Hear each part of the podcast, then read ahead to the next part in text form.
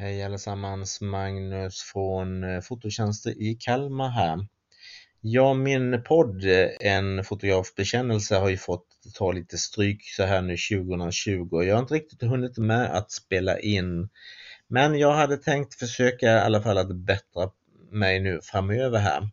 Och jag börjar med att ta och eh, skicka upp en eh, ljudfil från min föreläsning som jag hade nyligen via Microsoft Teams där jag eh, via en onlinekurs gick igenom hur man kan komma igång med att eh, jobba med bildredigering i, i Adobe Lightroom eller Lightroom Classic. Så att eh, jag bjuder då på en ljudfil ifrån det här föredraget och visst, det är inte riktigt samma sak som att lyssna, som att titta på slideshow och powerpoint-bilder och att jag visar på skärmen. Men jag hoppas att du som är intresserad av poddformatet ändå kommer få lite nytta av det jag kommer att säga. Så att jag eh, klipper in eh, ett avsnitt här då ifrån min eh, gratis onlineutbildning här så hoppas jag att du kommer att trivas med det. Hej!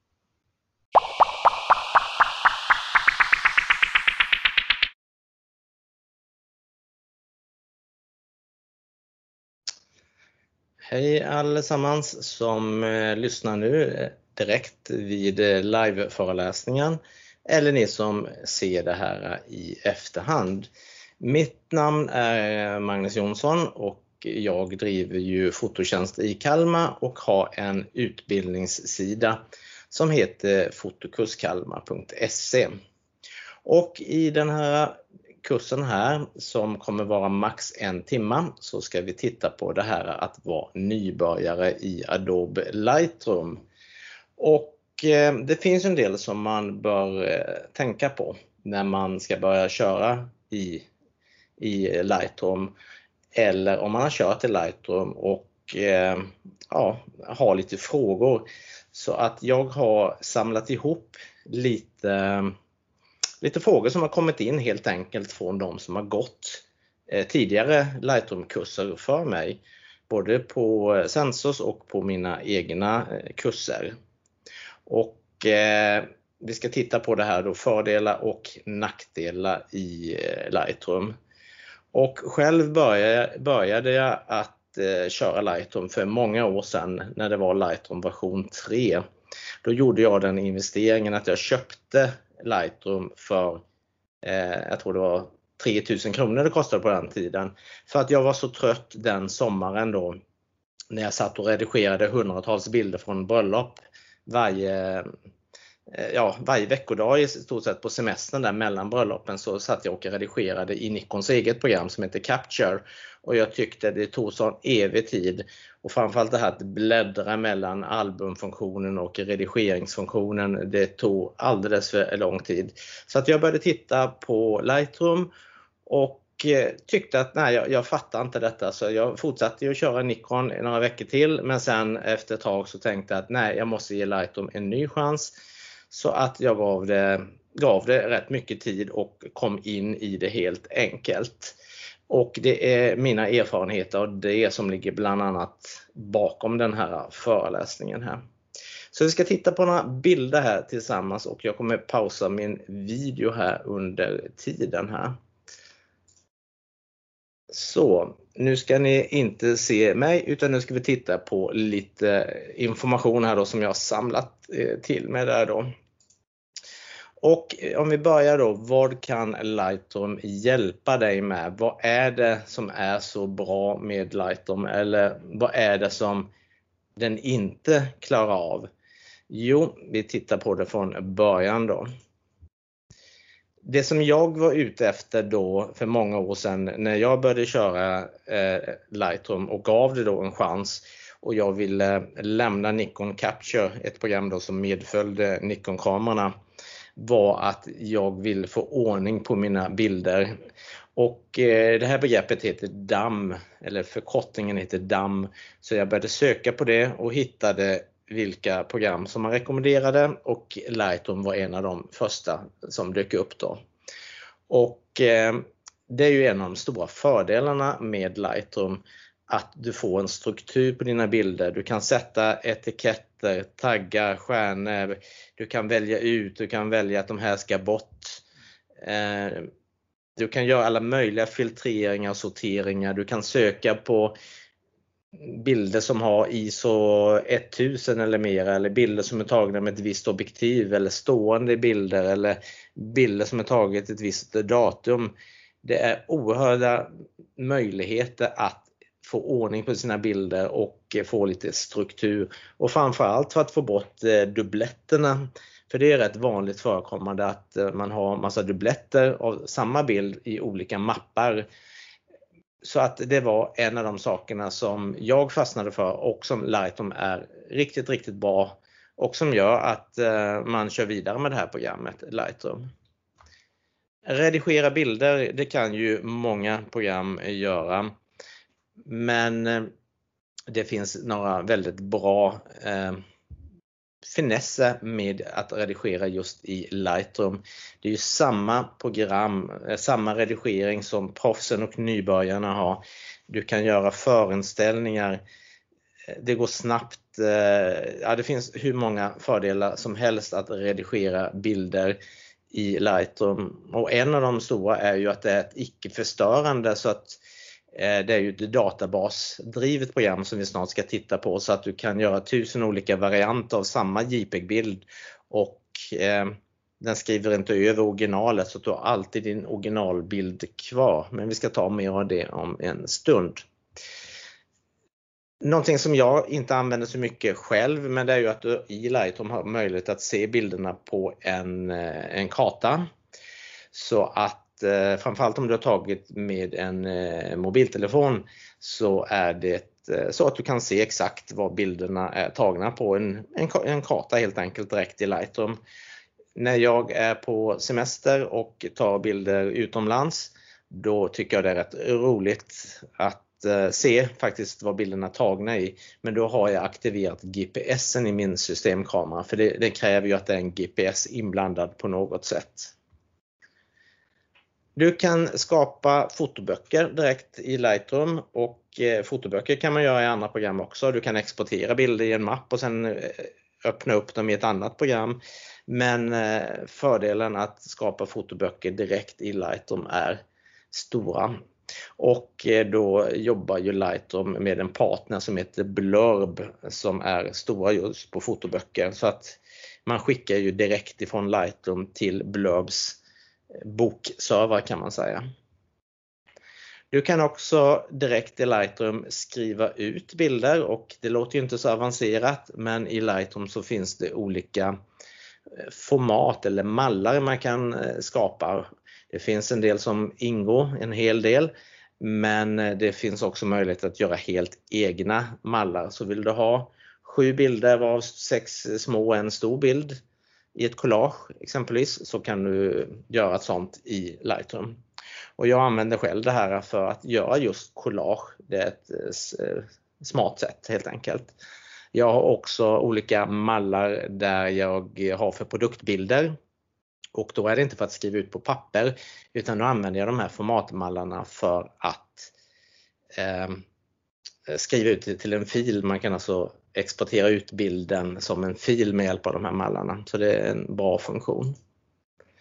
Du kan också göra ett eh, bildspel till din hemsida i, i Lightroom. Så tar du bilder från en fest så kan du göra en, eh, ett bildspel som du sen väljer att publicera om du har en egen hemsida. Eller så gör du så att du i Lightroom gör en bildspelsvideo, det vill säga att du väljer ut ett antal bilder. Du ehm, lägger på lite musik och lite effekter och texter och sen exporterar du ut den till en videofil som du sen kan lägga upp på hemsida eller på Facebook eller Instagram eller vad du nu vill. Så att den funktionen finns också i, i Lightroom. Då. Du kan också direkt ifrån Lightroom välja en bild och publicera den exempelvis på Facebook eller något annat socialt medie, vilket är väldigt bra. Du kan välja en eller flera bilder och välja att ehm, eh, e-posta dem direkt ifrån Lightroom.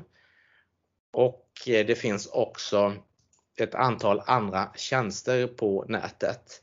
Så företagets bildbank exempelvis, bildbank.online, där vi publicerar alla våra sportbilder och eventbilder.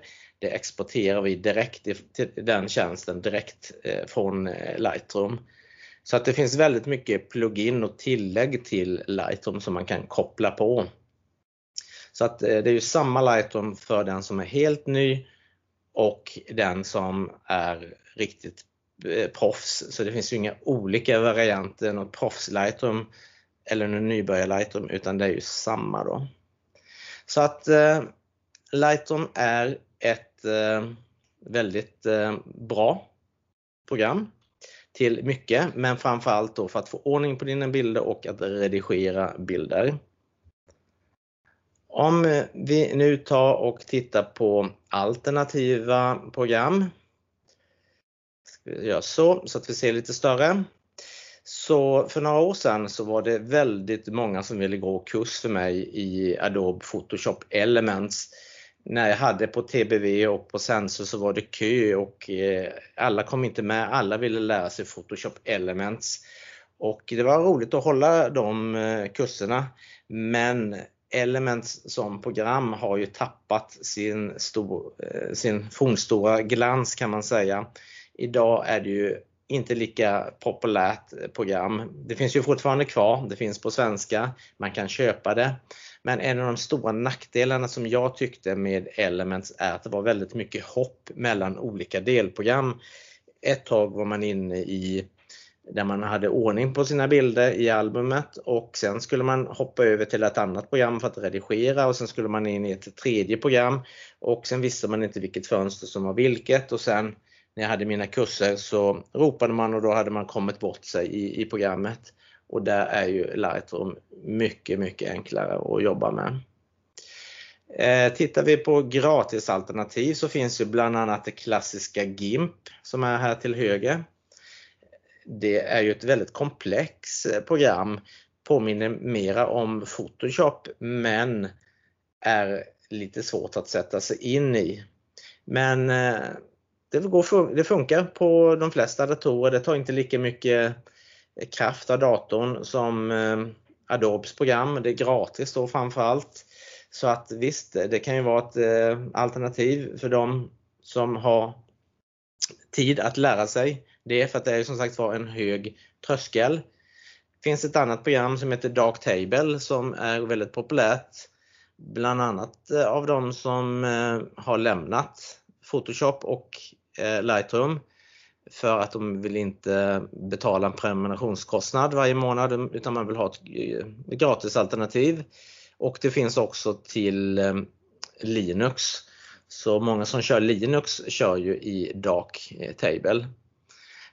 Ett populärt program som jag själv körde många år och många med mig var ju Googles Picasa. Det är tyvärr nedlagt nu så du kan inte köra det längre, men det var ett snabbt, bra program som klarade det mesta man behövde. Capture One är ju en konkurrent till Photoshop och Lightroom. Inte så många av mina kunder som kör det, men det är rätt populärt i studiomiljö. Ett annat program som har kommit väldigt eh, starkt på slutet är Luminar 4. Eller det som kommer nu om en månad när det här spelas in då i 11 november 2020. Det är Luminar 4 AI som ska släppas, efterföljaren till Luminar 4, där man med hjälp av AI-funktioner då skall eh, kunna förändra sättet man bildredigerar helt enkelt. Att man låter datorn hjälpa till mera med olika förslag. När det gäller AI-program så kommer jag ha en annan kurs vintern här 2020, där jag kommer prata bland annat om AI och eh, då kommer jag prata mera om Luminar 4 och om eh, andra AI-program. Någonting som många glömmer bort som faktiskt finns och är gratis är Google Photo. Man kan installera en eh, liten klient i sin dator, en liten programvara som laddar upp bilderna till Google Photo. Eh, och I Google Photo på nätet så kan du ju ha obegränsat med bilder så länge de är under 16 megapixlar. Och laddar du upp bilder som är större än 16 megapixlar så kommer Google att göra om dem till 16 megapixlar. Och betalar du en summa för diskutrymmet så kommer du att kunna ladda upp dina bilder helt oförstörda. Men 16 megapixlar räcker ju väldigt långt så att jag vet att en del som använder det här alternativet laddar upp bilderna till Google Foto och sen gör de väldigt enkla redigeringar i eh, webbläsaren. Och där är det inte så mycket att hålla ordning på sina bilder utan det Google gör där i Google Photo det är ju att den automattaggar dina bilder. Så att du kan söka efter katt eller tröja med röd färg och så vidare. Det sköter den automatiskt. Men det är ju ingenting för dig att göra egna urval än de som Google vill. Ett program som är i ropet bland många fotografer är Affinity Photo. Jag har själv inte tittat på det så jag kan inte uttala mig om det. Men många säger att det är ett väldigt bra program och ett alternativ till Lightroom. Det är ett betalprogram för övrigt. Eh, när det gäller Luminar 4 ska jag väl bara säga också att det ligger ungefär på 1000 kronor. Capture One kostar no några tusen och eh, Photoshop Elements ligger väl på en tusenlapp ungefär. Ett program som är gratis är Row Therapy. Ett eh, program som är stort på Linux men finns också till andra operativsystem som Windows och Mac. Så det kan man titta på om man är intresserad och som namnet säger så klarar det ju råfiler. Sen finns det ett antal online-tjänster som är framför allt till för att redigera bilder. Inte så mycket för att eh, lagra i olika album så utan mer för att ladda upp en bild, redigera och sen hämta ner den igen. Och sen så finns ju fortfarande kameratillverkarnas egna program. Så Canon har ju sin och Sony har ju sin och Nikon har ju sitt Capture exempelvis. Och det var ju där jag började och eh, bytte sen då till Lightroom då. Så det är lite alternativa program om man då tycker att eh, det här med Lightroom inte är ett alternativ då. Då ska vi se, då ska vi gå vidare och titta på just det här. Vad är det bästa valet för fotografer då om man pratar om Lightroom? Jo, då finns det ju lite olika paket och en av paketen då heter eh, Creative Cloud Photography och där ingår då Photoshop Lightroom som är Lightroom i molnet, det vill säga du kör det i webbläsaren kan man säga. Där du har dina bilder uppladdade på nätet och du redigerar men eh, du kan också ladda ner ett program som ser ut som att du jobbar i din egen dator men eh, den jobbar hela tiden mot bilderna som du har laddat upp till molnet. Och är det ett bra alternativ? Ja, både och. Det är inte alls lika avancerat på långa vägar som det vanliga Lightroom som vi ska prata om. Eh, och sen är det ju så att du kan inte ha obegränsat med bilder i det här utrymmet som du får i ditt abonnemang utan många behöver ju då köpa till extra utrymme i och med att alla bilder ligger i molnet. Nej, utan eh, Lightroom Classic eller Photoshop Lightroom Classic LRC här i mitten. Det är det programmet som jag och många kör. Det hette ju förr bara, bara Lightroom. Nu har man ju döpt om det till Lightroom Classic. Och det är ju en programvara då för Mac eller Windows som man installerar. Och eh, det är ju det som är det, ja, det är ju det valet som jag tycker att alla bör köra och hoppa över det här med Photoshop Lightroom. Båda ingår ju i paketet. Så du kan ju installera båda och titta på dem. Men eh, jag rekommenderar Photoshop Lightroom Classic alla dagar i veckan. Och sen ingår då Photoshop också, det traditionella stora programmet Photoshop som är då för redigering och montage och alla möjliga eh, ändamål. Eh, båda de här, eller alla tre ingår ju i paketet. Men kombinationen mellan Photoshop Lightroom Classic och Photoshop är helt underbar. Du kan börja redigera i Lightroom Classic med en bild när du inte kommer längre, om du behöver göra någonting mer, ja, då går du över till Photoshop och fortsätter där. I det här paketet Creative Cloud Photograph så finns det också två andra program. och det är för mobiltelefonen. Det är Photoshop Express som är en nedbantad version av Photoshop för mobilen. Och sen är det ett nytt som än så länge bara finns för iPhone eh, telefoner och någon enstaka Android-telefon och det är Photoshop kamera, alltså kamera-app från Adobe. Så du tar bilderna direkt med appen i mobilen och sen så kan du redigera bilderna med olika Photoshop-funktioner direkt i mobilen. Och det synkas ju också de här mobilappen, mobilapparna så att du kan börja att redigera en bild i mobilen och sen fortsätta i datorn eller tvärtom. Så att eh, de här fem är huvudprogrammen i det som heter Creative Cloud Photography. Och det är det som är det bästa valet för just fotografer. Vi ska gå tillbaks här. Det trodde jag, men vi, kommer till eh, det om en liten stund här. Jag ska förklara vidare. Hur skaffar man då Lightroom om man är intresserad? Och innan jag börjar här med första punkten ska jag egentligen säga att Förr så var Photoshop och Lightroom en av de, mest, en av de tre mest piratkopierade programmen. Men det var också en av de tre piratkopierade eh, programmen som innehöll mest skadeprogram i form av virus, trojaner och så vidare. Och så är det fortfarande idag. Så är det så att du tänker gå det spåret, tänk om du kommer att få din dator väldigt utsatt eh, med olika skadeprogram så undvik det utan försök att skaffa det på lagligt sätt och jag ska prata om kostnader alldeles snart här. För när det gäller att köpa Lightroom eller Photoshop eller Creative Cloud idag, nej det går inte. Det var nog tre år sedan man slutade med att sälja de här programmen som ett paket, alltså en CD eller någonting man laddade ner och betalade en engångspeng för. Så funkar det inte idag utan eh, det är en hyrmodell. Så att köpa, nej det kan man inte göra. Jag har fortfarande några elever och kunder till företaget som köpte det här en gång i tiden. Men de kan fortfarande köra vidare den gamla versionen som då är nu 3-4 år gammal. Men det går inte att uppdatera dem på något sätt. Och eh, man missar ju allt med nyare stöd för nyare kameror och nya funktioner finns ju inte de här gamla. Utan det man gör är att man hyr helt enkelt. Man kan då hyra olika paket. Och då ska vi se, då ska jag växla, växla lite här ska vi se.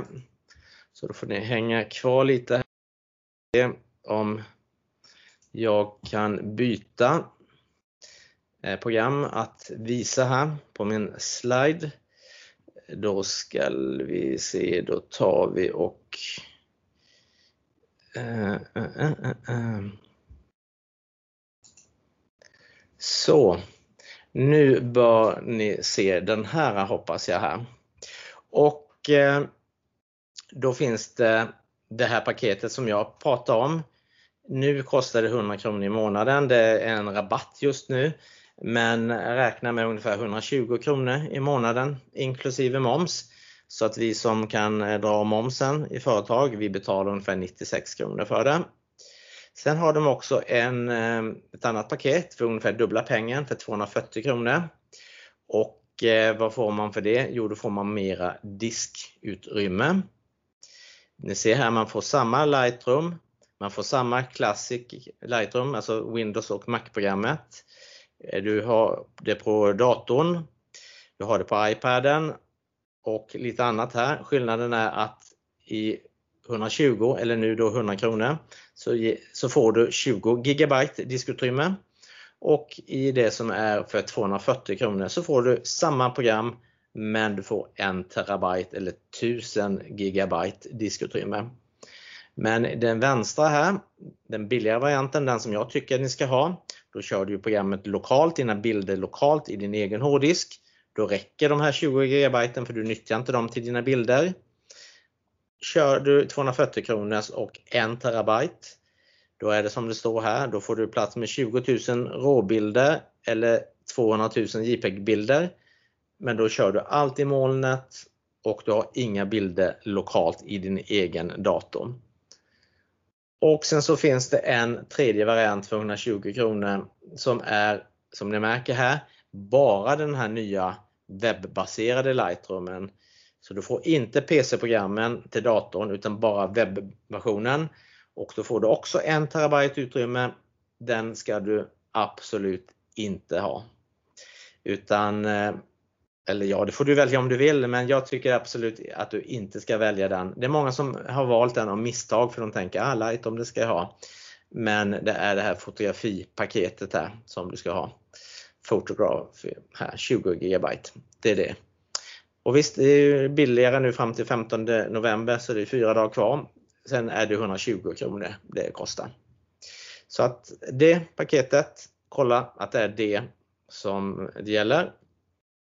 Sen kan man då köpa till extra diskutrymme om det är så att de här tar slut för en viss peng per månad. Men då kanske det är bättre att du köper en hårddisk och har bilderna lokalt istället. Så vi går tillbaks till vårt eh, bildspel här. Ska vi se att vi får igång det. Precis, där var vi. Så då har vi olika fotografi eller olika paket och fotografipaketet 100 eller 120 kronor. Det är ju det som man ska ha. Och vad innebär det då att skaffa det här Creative, kreativ cloud? Jo, det innebär att det är ju en prenumerationsmodell så att så länge du betalar får du alltid de senaste versionerna. Och de kommer att eh, i stort sett laddas ner automatiskt de nya versionerna, mycket smidigt. Eh, så du har alltid det senaste. Och det senaste är det bra att man har för det händer väldigt mycket roliga grejer i versionerna. Och du har som sagt var alltid det senaste så om du köper en ny kamera så vet du att den kommer att funka. Du får då en molndisk ungefär som iCloud eller Google Drive eller Dropbox och då får du 20 GB i det paketet, fotografipaketet som jag tycker du ska ha för 120. Eller du kan betala 240 kronor och få 1 terabyte. Eller 1000 gigabyte. Då. Men köpa? Nej, det kan man inte göra. När man införde den här modellen då för 3-4 år sedan så var det många som sa det att ah, men då kommer de ha det här priset kring en hundralapp till alla har gått över och sen så kommer de att chockhöja. Berättigad fråga men eh, det gjorde man aldrig. Det har legat kvar på den här hundralappen.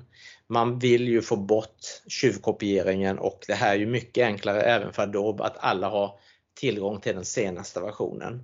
Så att är det någon eh, bugg i något program så kommer alla få fixan för då kommer det ju en rättelse i den nya versionen. Sen är det en del som sa så här att vad händer när jag slutar betala? Eh, om jag inte har råd, jag kanske blir arbetslös eller vad som helst. Jag kanske inte har 120 kronor att lägga i månaden. Vad händer då med mitt program, med mitt Lightroom och Photoshop? Då är det så fixat att du kan inte ladda upp några nya bilder till Lightroom. Så du kan inte börja redigera några nya bilder. Men allt som du har laddat upp in i Lightroom fram till den dagen som du slutade betala, det kan du då eh, redigera vidare men du kan inte ta in några nya bilder. Och det tycker jag är en rätt så bra lösning. Allt som var när du betalade kan du fortsätta med, redigera, exportera och lägga ut. Men eh, du får välja en annan lösning för dina nya bilder. Sen var det en fråga där många undrade, vad händer om jag inte har kontakt med internet? Det ska vi komma till alldeles snart här då. Vi ska gå vidare då till att tänka på när det gäller Adobe och Lightroom och Creative Cloud. De här sakerna som ni nu kommer att se, det är de vanligaste sakerna som jag råkade ut för när jag började och som mina elever har ringt eller mejlat mig om och sagt att det varit problem. Och som jag också har hört av andra som har börjat att köra Lightroom. Och en av de vanligaste är att jag läste in bilden i Lightroom. Jag har gjort eh, ändringar på den, kanske gjort en färgbild till en svartvit. Men när jag tittar på bilden i utforskaren eller finden utanför Lightroom i min filstruktur så är bilden som den var i kameran. Jag ser inga ändringar. Och det är det som är det bra faktiskt med Lightroom samtidigt som det är det som många har problem med.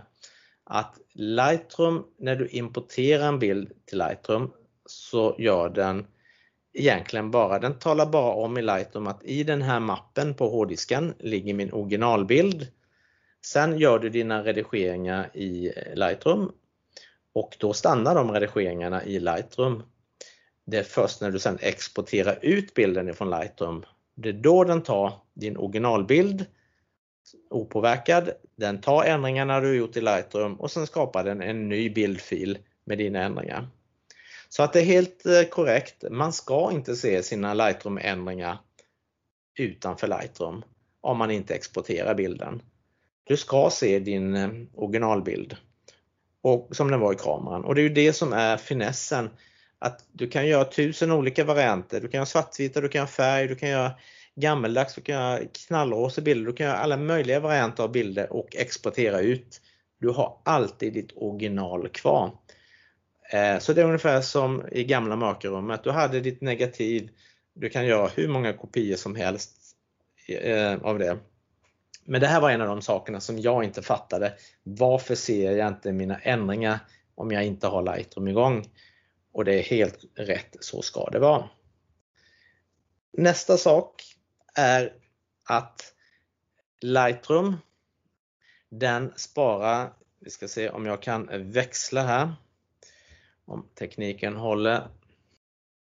Det gör den inte. Då ska vi se. Då ska jag öppna en utforskare här. Och sen så väljer jag min enhet som heter, i den här datorn så heter den L. Och den som vi kommer titta på snart heter kurser. Och här finns det en fil som heter kurser 3.lrcat och sen finns det en ny fil, där heter den eh, kurser 3 version 10.lrcat. Den är själva Lightroom databasen så att den filen måste backuppas. För att försvinner den filen då kommer du bli av med allt du har gjort i Lightroom och det är en väldigt vanlig eh, orsak. Man hittar en sån här i Finden eller utforskaren. Ah, vad är det här för någonting? Eller katt? Ah, den rensar jag och sen så är filerna borta. Så att, eh, eller eh, rättare sagt allt du har gjort i Lightroom är borta. För allt du gör i Lightroom sparas ner i denna Lightroom-katalog. Så den måste du backuppa, annars så är du kört. Sen har vi en annan sak. Lightroom hittar inte mina bilder. Och vi ska se om jag kan växla här till Lightroom. Så har jag nu min Lightroom här. Och vi kan för övrigt kolla här om vi tittar i Lightroom så ser ni här kurser 3 version 10. Det heter min databas.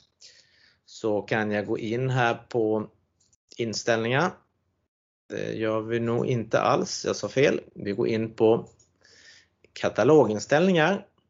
Så ser vi här Filen heter då kurser 3 version 10.lrcat. Det är min databas, det är min Lightroom-fil. Det är den jag ska backuppa. Och i mitt fall då så ligger den på hårddisk L kolon kurser. Klicka på den här knappen visa. Så ser ni här, det var ju där jag var innan.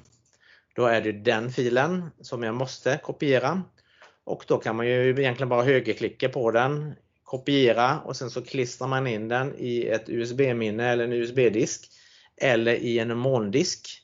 Bara att man har den på ett annat ställe än den inbyggda hårddisken. Så är man säker. Och här kan man också se hur stor den är. Den är ungefär 8 megabyte. Så den får ju plats på minsta USB-disken. Jo, eh, här har jag min Lightroom-katalog med mina importerade bilder. Och då kan det se ut så här. Om jag rullar ner här i botten så står det en litet sånt här, foto saknas. Och klickar jag på bilden så här ska vi se igen, så tänker man, ah, men jag ser ju bilden. Ja, det gör du här, men så fort du ska gå in och redigera bilden i Framkalla så får jag, det går inte att hitta filen. Och det här är inte en helt ovanlig fråga för nya Lightroom-användare. Och det man har gjort då, det är helt enkelt att man har varit utanför Lightroom i Finden eller i utforskaren och sen har man tittat på bilderna där och rensat och raderat eller flyttat till en annan mapp eller bytt namn på mappen. Och då vet ju inte Lightroom längre var ligger den här filen. För den här lilla bilden inne i Lightroom som jag då fick in när jag importerade här nere. Det den gör, den här lilla bilden, det är ju att den pekar på den stora bilden på hårddisken. Och har man då bytt namn på den mappen eller på den filen eller flyttat den eller raderat den, ja då finns det ju ingen fil att redigera. Så jämför ungefär det här biblioteket i Lightroom med en innehållsförteckning i en bok. Att står det där i innehållsförteckningen att kapitel 7 det börjar på sidan 56 och ni har rivit ut sidan 56, ja, då vet ju inte innehållsförteckningen det utan när man går till sidan 56 så saknas den. Så det är samma sak här. Så att ska man rensa bort bilder eller flytta eller byta namn på mappar och sånt, då gör man inte det utanför Lightroom utan då gör man det i Lightroom. Så att det är där man sköter sin städning och flyttning och organisering, inte utanför Lightroom. För har man lyft in bilderna, ja då blir det problem. Och man kan, om man vet om att ja, men den här bilden den har jag faktiskt flyttat till en annan hårddisk, så kan man trycka på det här lilla foto saknas!”-utropstecknet. Eh, och sen väljer man leta reda på. Så tidigare låg det på det här stället på min hårddisk N under HDR Stensö-slottet och hette si och så. Vet jag nu, ja men jag har bytt ut namnet på den hårddisken eller den här mappen heter inte så länge, jag har bytt ut den. Då kan man trycka på leta reda på och sen så kan man välja att eh, koppla om så att Lightroom hittar eh, filen igen. Och Lightroom är så smart så att om jag skulle ta den här filen och leta reda på den och eh, välja att ja, men den ligger på det här stället istället så ser den att alla andra filer här som är tagna från samma tillfälle som också saknas, då kommer den att koppla om dem automatiskt. Så att det räcker egentligen att du hämtar in en av de här flyttade filerna. Eh, har du raderat dem, ja då är det ju kört. Då kommer de ju inte funka i Lightroom. Men har du flyttat dem eller bytt namn på mappen, vilket som sagt jag absolut avråder till, så går det att reda upp och det är här jag brukar hjälpa till rätt ofta genom uppkopplingar eller att man kommer in med sin dator så brukar jag få hjälpa till med det där. Men det är lite onödigt som sagt var. Så att eh, en vanlig orsak, städa inte utanför Lightroom utan städa i Lightroom. Bilder importeras in i Lightroom huller om buller. Det är oftast en väldigt enkel orsak och det är här nere så står det sortera tagningstillfälle. Det vill säga den sorteras efter datumet som bilden är tagna. Men jag kanske har tagit hur lång tid det tog att redigera. Eller jag kanske har valt, jag vill se efter eh, filnamnstillägg, alltså om det är en JPEG eller en råfil. Eller jag kanske vill se proportioner Alltså om det är en stående eller liggande bild. Jag kan sortera på många olika sätt. Så att ligger de huller om buller, kolla här nere. Tagningstillfälle är ju det man oftast vill ha. Att man vill ha dem efter klockslag. Så att, och här kan man också för övrigt vända då från A till Z eller klickar man Z till A. Om man vill ha äldst först eller eh, den senaste först. Det kan man välja här hur man vill ha dem. Så, så, så att det är svaret på att det är oordning att man har varit här inne och kladdat, kanske av misstag. Vi går tillbaks. Jag har enstaka bilder som jag vill redigera åt en kompis. Man är alltså inte intresserad av att organisera sina bilder, spara och kunna leta och, och få ordning på dem. Man vill bara redigera en bild, kanske åt någon annan och sen ge dem den bilden. då kanske man inte ska eh, importera in de här bilderna i Lightroom utan då ska man gå in i Photoshop i så fall och öppna upp dem, redigera dem, spara om dem. För Photoshop är inget databasprogram. Det är in med bilden, redigera, spara över originalet eller spara en kopia. Det är inte databas som i Lightroom. Så att i de lägena där du bara vill göra någon snabb grej och inte har koll på bilderna sen, bry dig inte om Lightroom, kör direkt i Photoshop eller i något annat redigeringsprogram. Ja, Intressant fråga. Klarar jag mig enbart med eh, Lightroom? Det behöver du inte för har du fotograferingspaketet så har du Lightroom och Photoshop.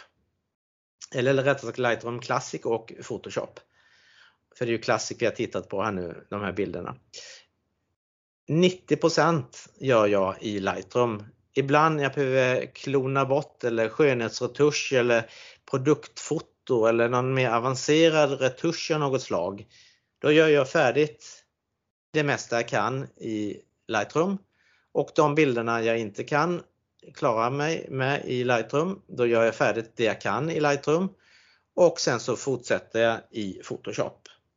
Och det är väldigt enkelt egentligen. Jag ska ta en bild som jag hoppas, ska se om jag går upp här om jag har någon bild som jag kan visa bara på, som finns. Eh, vi säger den här bilden att jag har fixat den så gott jag kan här i Lightroom. Men sen kommer jag inte längre. Jag vill skriva text exempelvis. Det funkar ju inte i Lightroom. Då kan jag bara högerklicka på bilden, redigera i och redigera i Photoshop. Och det som händer då det är att den frågar Vill du ta med dig det du har gjort i Lightroom och att den skapar en kopia av bilden och läser in i Photoshop? Och det är oftast det här du vill så det är bara att trycka redigera här. Är det så att du inte vill ha med dig det du har gjort i Lightroom, då trycker du redigera en kopia. Då tar den originalbilden, gör en kopia och kopian går in i Photoshop. Eller så väljer du redigera original och då skriver den ju över ditt original och det här tycker jag är det sämsta. Utan den är det som absolut är vanligast. Så högerklick, redigera i och redigera i Photoshop. Den finns där automatiskt när du har installerat eh, programmen.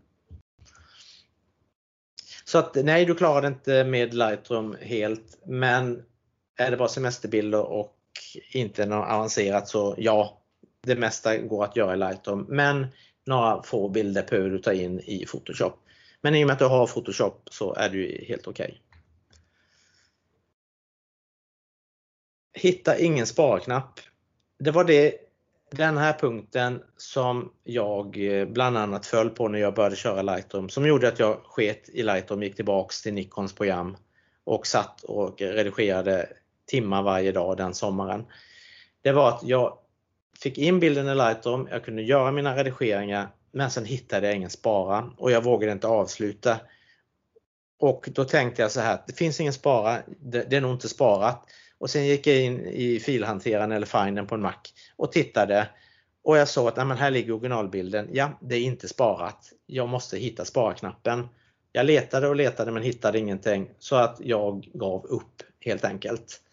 Så att eh, det finns ingen sparknapp i Lightroom utan eh, är du inne i framkalla eller snabbframkallningen här och ändrar någonting så fort du trycker på en knapp så här så fort du gör det så är bilden sparad. Och det går ju svinfort här och det är ju för att den sparar i en stor databas. Den sparar egentligen bara ettor och nollor och siffror. Det är därför det går så himla snabbt.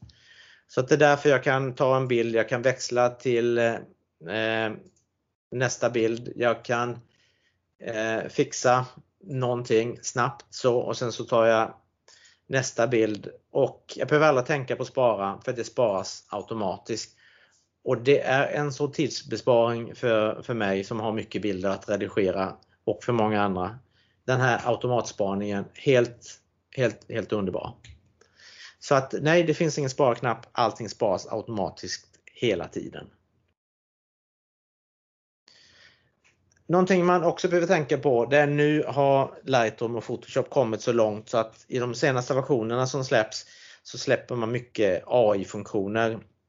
Och AI-funktioner kräver en bra dator för att datorn behöver ha ett bra grafikkort som kan göra de här roliga sakerna. Som kan hjälpa dig att byta ut bakgrunden, som kan hjälpa dig att få dig att se 20 år äldre ut.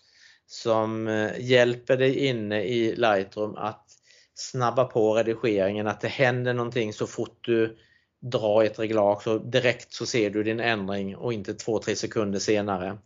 Det är tack vare grafikkortet som de här AI-funktionerna eh, kan jobba så snabbt och bra och eh, så härliga funktioner helt enkelt. Jag ska inte säga mer om det för det kommer att vara en helt egen kurs om just bara AI-funktioner i Lightroom och Photoshop och andra program som Luminar 4 och så vidare. Men det kräver mer och mera eh, av din dator och har du inte ett bra grafikkort, tillräckligt kraftfull dator, då kommer den att slå av de här funktionerna eller så kommer det gå långsammare i Lightroom och Photoshop. Mycket av de prestandaförbättringarna som har kommit senaste året 2020 märker inte de som har en äldre dator utan det kräver ett bra grafikkort för att man ska kunna se de här ändringarna. Då. Sen en annan vanlig fråga är det här med kataloger. Kan man ha en eller flera kataloger? Här ser vi att eh, jag har en katalog som heter kurs 3 version 10. Går jag upp till arkiv så kan jag välja att öppna olika kataloger och som ni ser så har jag lite blandat här, sport 2020, bröllop 2020 exempelvis, eh, kurser, Magnus och så vidare här. Man kan ha en katalog jättestor som innehåller 150 000 bilder. Helt okej. Okay. Eh, det är inga större prestandaförsämringar. Jag tycker dock själv att det är bättre att ha olika eh, kataloger för olika uppdrag. Det är därför jag har en som heter Sport 2020. När det blir 2021 så kommer jag skapa en ny som heter Sport 2021 eller Bröllop 2021 eller Event 2021 och så vidare. För det är så lätt, välj arkiv, ny katalog och sen så ger du katalogen ett namn helt enkelt och säger vad den ska heta och då är det den som du har tillgänglig och som du märker så kan du då växla mellan olika kataloger här på ett smart sätt. Så att man kanske gör så att man har en privatkatalog och en jobbkatalog eller man kanske har en för henne och en för han. Eller har man en för varje år eller så har man en för varje uppdrag. Ja, du kan ha hur många kataloger som helst men en katalog kan innehålla 150 000 bilder. Inga problem. Och tittar jag i den här kurskatalogen nu så har jag 453 bilder så det är inte speciellt mycket då. Så att eh, du väljer själv om du vill ha en eller flera kataloger. Jag rekommenderar att man har flera kataloger. Sen var det där då med internetkontakt. Jobbar man i molnet? Nej, jobbar du med Lightroom Classic som jag jobbar i här då, som jag visar, så jobbar du inte i molnet. Däremot så behöver du ha tillgång till internet en gång i månaden och det är helt enkelt för att den ska kolla att du fortfarande betalar din månadsavgift. Och annars så behöver du inte ha internetsladden i överhuvudtaget utan du kan köra helt utanför men minst en gång i månaden.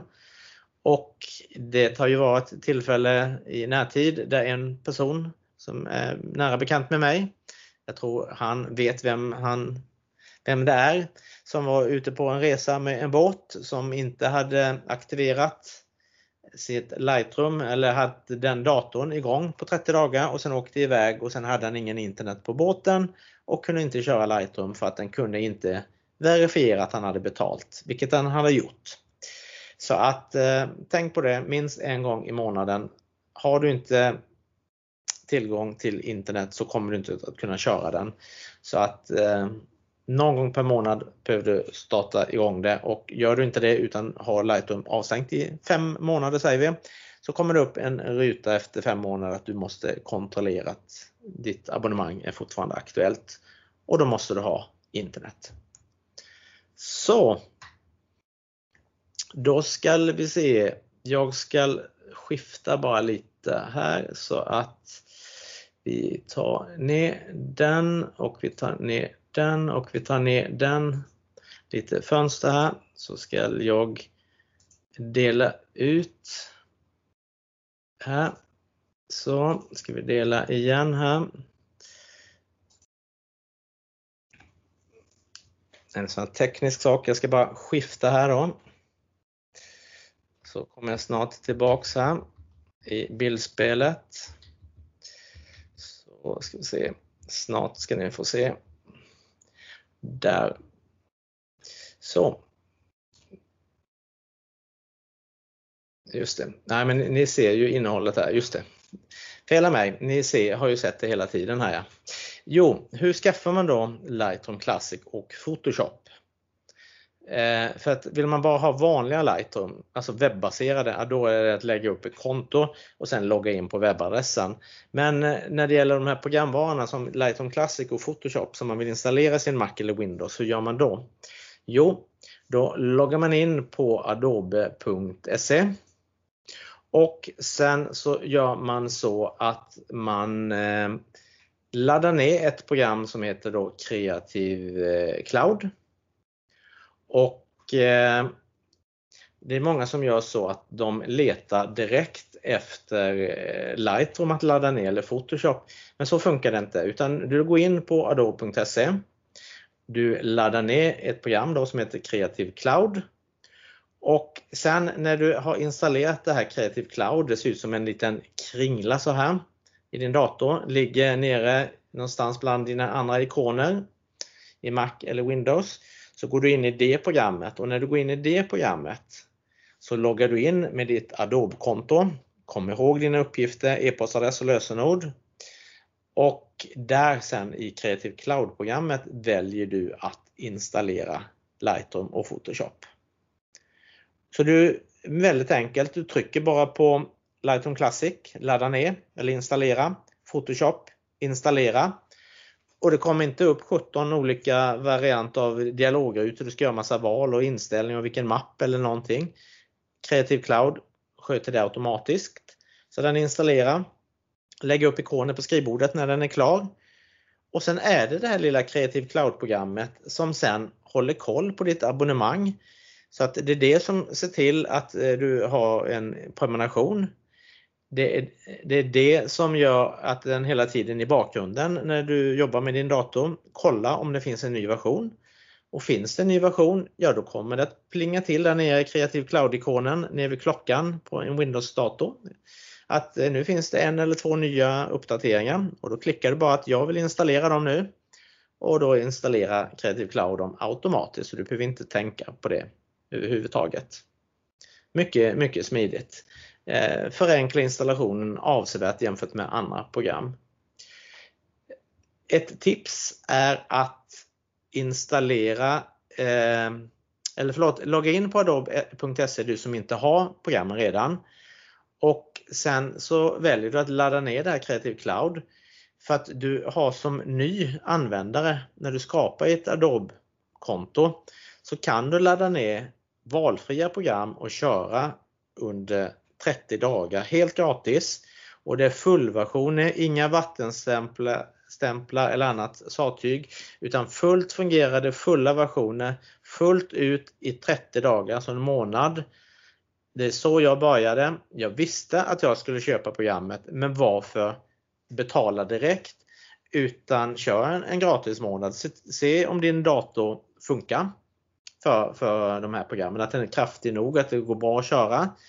Och vad händer då efter en månad när prövperioden har gått ut? Ja, då kommer det upp en ruta med automatik. Nu har din tid gått ut. Vill du fortsätta att köra så klickar du på knappen här för att starta en prenumeration. Det är då du får ange ditt kreditkort och så vidare. Det är ju kreditkort man betalar med. Det är inga fakturor eller så.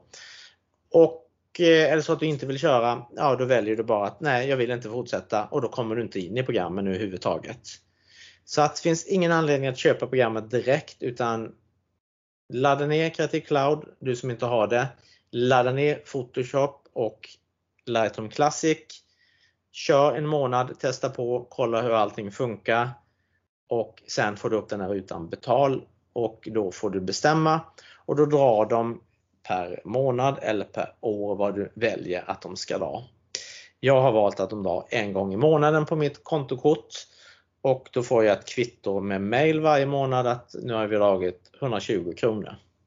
Så det är lite dyrare än en pizza i månaden men du får ett virusfritt program. Du får, eh, ska vi se om jag har någon bild på det förresten. Nej, det hade jag inte där.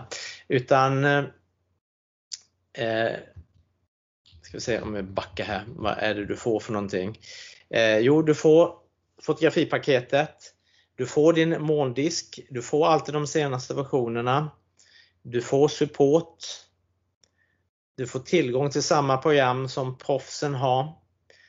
Allt för lite mera än en pizza i månaden och du kan köra det tills du inte vill betala mera.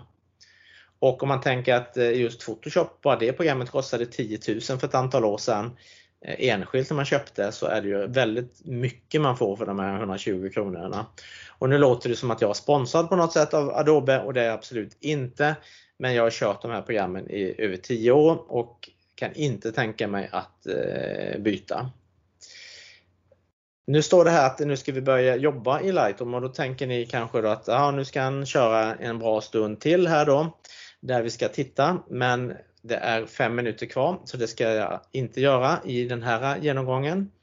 Utan jag vill bara berätta då att eh, en lämplig eh, arbetsgång när man är inne i Lightroom är att man börjar att importera bilder. Sen går man in och går igenom det man har importerat, rensa bort det man inte vill ha, suddiga bilder och det som inte passar. Och det finns smarta tangentkombinationer eh, för det. Eh, det som blir kvar som man vill eh, redigera kan man gå in och antingen göra en snabbredigering. Det finns till och med en enklicksredigering för dig som har väldigt bråttom.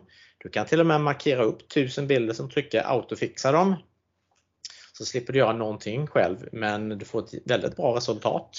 Och det, den här autofunktionen blir bättre och bättre och det är en av de som använder eh, AI nu för tiden. Det ska gå igenom som sagt var i en annan utbildning. Eller så går du in i den mer avancerade redigeringen och där du kan göra mycket mera. Där du kan spara förinställningar. Eh, finns hur mycket som helst. Jag lär mig fortfarande efter många år nya funktioner där. Och Det kommer nya, nya funktioner i de nya versionerna som släpps. När du är färdig sen, de bilderna du vill lägga ut på Facebook, framkalla, skriva ut eller vad du vill göra, så exporterar man dem eller e-posta. Det är väl de vanligaste sakerna man gör i Lightroom. Då.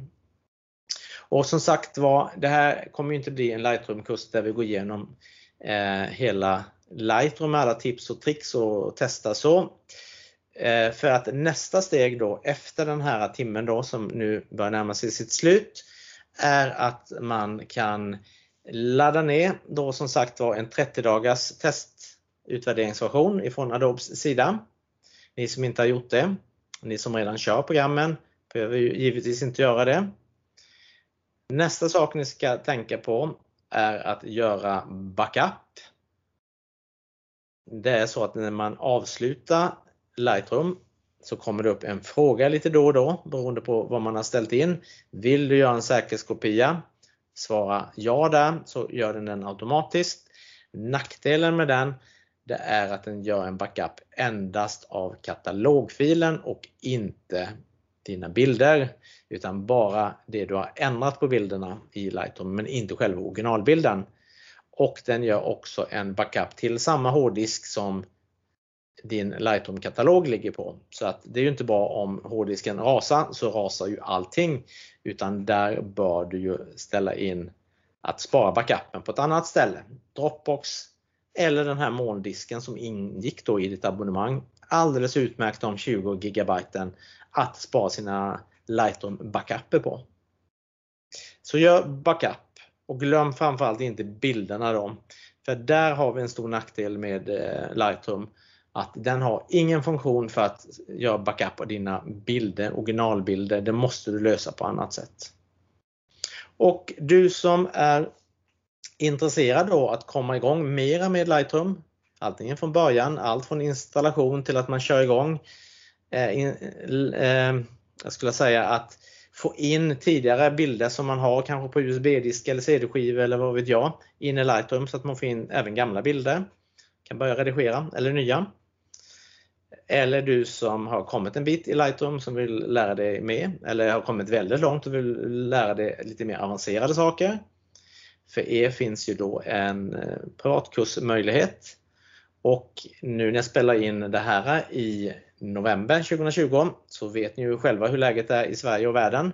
Det blir ju inga stora gruppkurser. Däremot så kan jag köra enskilda kurser och jag kör ju gärna onlinekurser via fjärrstyrning där jag kopplar upp mig mot er dator. Ni sitter hemma, jag sitter hemma eller på kontoret och jag kan med hjälp av telefon styra er dator eh, och prata med er via telefon och styra er dator. Så kan det bli precis som man hade suttit i en kurslokal. Så en privatkurs online eh, är någonting som jag verkligen kan rekommendera. Och eh, när jag spelade in den här så bara för tre veckor sedan tror jag det var, så var det en långt utanför Kalmar som, där jag finns som ville ha hjälp i Lightroom. Och Eh, där vi bokade eh, två timmar tror jag det var och gick igenom massor med saker och eh, denna personen var väldigt glad att få den här hjälpen för att hade inte hittat den någon annanstans som var då spesad just för, för den här personens behov och utrustning. Så som sagt var, ni som inte har kommit igång med Lightroom, ladda ner det i 30 dagar, testa, kostar ingenting. Efter 30 dagar får ni upp, vill ni fortsätta, ja då betalar ni. Kör så länge ni eh, betalar och ni som redan har, gör backup, gör backup, gör backup. Och även där kan jag hjälpa till med rutiner om eh, ni har svårt att få bra struktur på det där. Backup är någonting som jag gör väldigt frekvent i många olika varianter så det, det, en, det kan jag. Och ni som vill lära er mera, boka en eh, privatkurs via datorn. Så sitter ni hemma, jag sitter hos mig smittofritt. kan vara roligt att lära sig något nytt när man inte kan göra så mycket annat i samhället och är kanske lite isolerad. Så du kommer igång med din bildredigering så fort som möjligt. Ja, jag tackar för att eh, ni har varit med och lyssnat. Ni som har varit med och lyssnat under inspelningen här. Och är det några frågor så skicka gärna in dem då till fotokurskalmar.se. Gå in på hemsidan så finns det kontaktvägar där så kan ni skicka in era frågor. Och ni som ser det här efteråt, eh, för det här spelas in, så eh, kan eh, även ni givetvis att ta kontakt med mig då på fotokurskalmar.se. Jag stannar där för just den här kursen men kommer ha två kurser till under vintern 2020. Det kommer vara just eh, AI-funktioner i Lightroom och Photoshop och andra program och det kommer att vara bättre mobilbilder och båda de här två kurserna kommer vara kostnadsfria. Kommer vara via online på samma sätt som den här. Kommer spelas in så ni kan titta på den efteråt. Och eh, är till för att ni ska få lite nytändning i er eh, fotografering. Jag hoppas att tekniken har varit med så att det har hörts bra och sett bra ut.